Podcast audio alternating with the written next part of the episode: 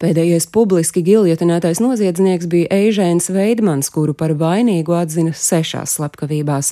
Nāves sodu viņam izpildīja 1939. gada 17.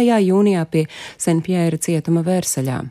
Veidmans piedzima Vācijā, Frankfurtē pie Mainas uzņēmēju ģimenē, un zakt viņš sācis jau puikas gados, tāpēc diezgan likumsakarīgi, ka agri nokļuvis aiz restēm. Un tieši tur, cietumā saticis savus kriminālos partnerus. Iznācis no apcietinājuma, kopā ar draugiem viņi Francijā nolaupīja bagātus turistus, pieprasot izpirkuma maksu. Vienā no šādām epizodēm notika misēklis un veidmans upuri nožņaudzis, aprecis villas, kurā bija upuris atticis dārzā. No tā brīža maisam gals bija vaļā. Visas slepkavības bija veiktas mankārīgos nolūkos, un tās notika burtiski ar dažu nedēļu atstatumu. Pārsvarā visus upurus Veidmans bija nogalinājis iešaujot pakausī. Policija slepkavam uz pēdām nokļuva paša nevērības dēļ. Viņš pie viena no upuriem bija aizmirsis savu vizītkarti. Rezultātā policijai izdevās slepkavu apturēt, tiesa slepkavam piesprieda nāves sodu, nocērtot galvu.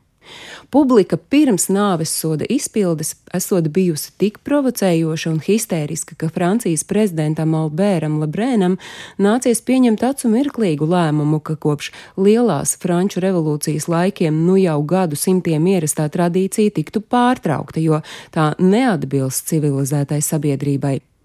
Jau iepriekšējā vakarā uz gaidāmo izrādi bija sapulcējušies te desmit tūkstoši ziņkārīgo. Notikumam viņi gatavojās ļoti centīgi, sausus izdzerot visus apkārtnes krodziņus un tavernas, bet īpaši kupli apmeklēti bija tie lokāli, kas atradās netālu no nāves soda izpildes vietas. Nāvisoda apmeklētāju sacelto troksni un ālēšanos savā cietuma kamerā dzirdēja arī notiesātais. Tikmēr policijai bija izaicinājums atbrīvot vietu giljotīnas uzstādīšanai. Laukumu sāka attīrīt jau no diviem naktī.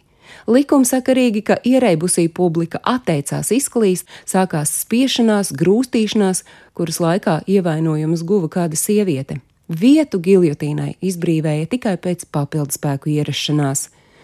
Nāves sods pēc tradīcijas bija jāizpilda saulē lecot, taču tas nebija iespējams, un to varēja īstenot vien ar krietnu 45 minūšu nokavēšanos. Tas notika pulksten 4,32 minūtēs. Tiesa tolaik baumoja, ka vilcināšanās tomēr notikusi ne jau blakus apstākļu dēļ, bet gan visnotaļ apzināti, vienkārši lai iestātos vajadzīgais apgaismojums kvalitatīvu foto uzņemšanai laikrakstu vajadzībām. Atradās arī tādi, kuri centās izlīst cauri policijas apķēdējumam un iemērkt kabatlakatiņu sodītā asinīs. Vēlāk pat atklājās, ka kāds bija nāves soda gaitu slepus caur logu nofilmējis. Versaļas scēnas bija tik šokējošas, ka premjerministrs Eduārs Deladjē jau 24. jūnijā parakstīja rīkojumu turpmāk nāves sodus izpildīt tikai ieslodzījuma vietās, tālu prom no publikas acīm.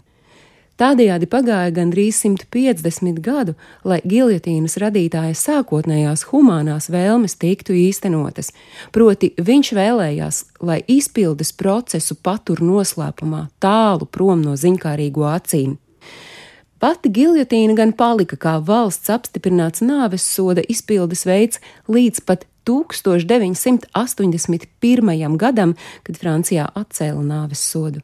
Bet pēdējo reizi giljotīnu Francijā iedarbināja 1977. gada 10. septembrī, kad nāves sodu piesprieda 28 gadu vecam tunisietim, kuru notiesāja par savas paziņas 21 gadu vecas sievietes spīdzināšanu un nogalināšanu stāstīja Agnese Drunka.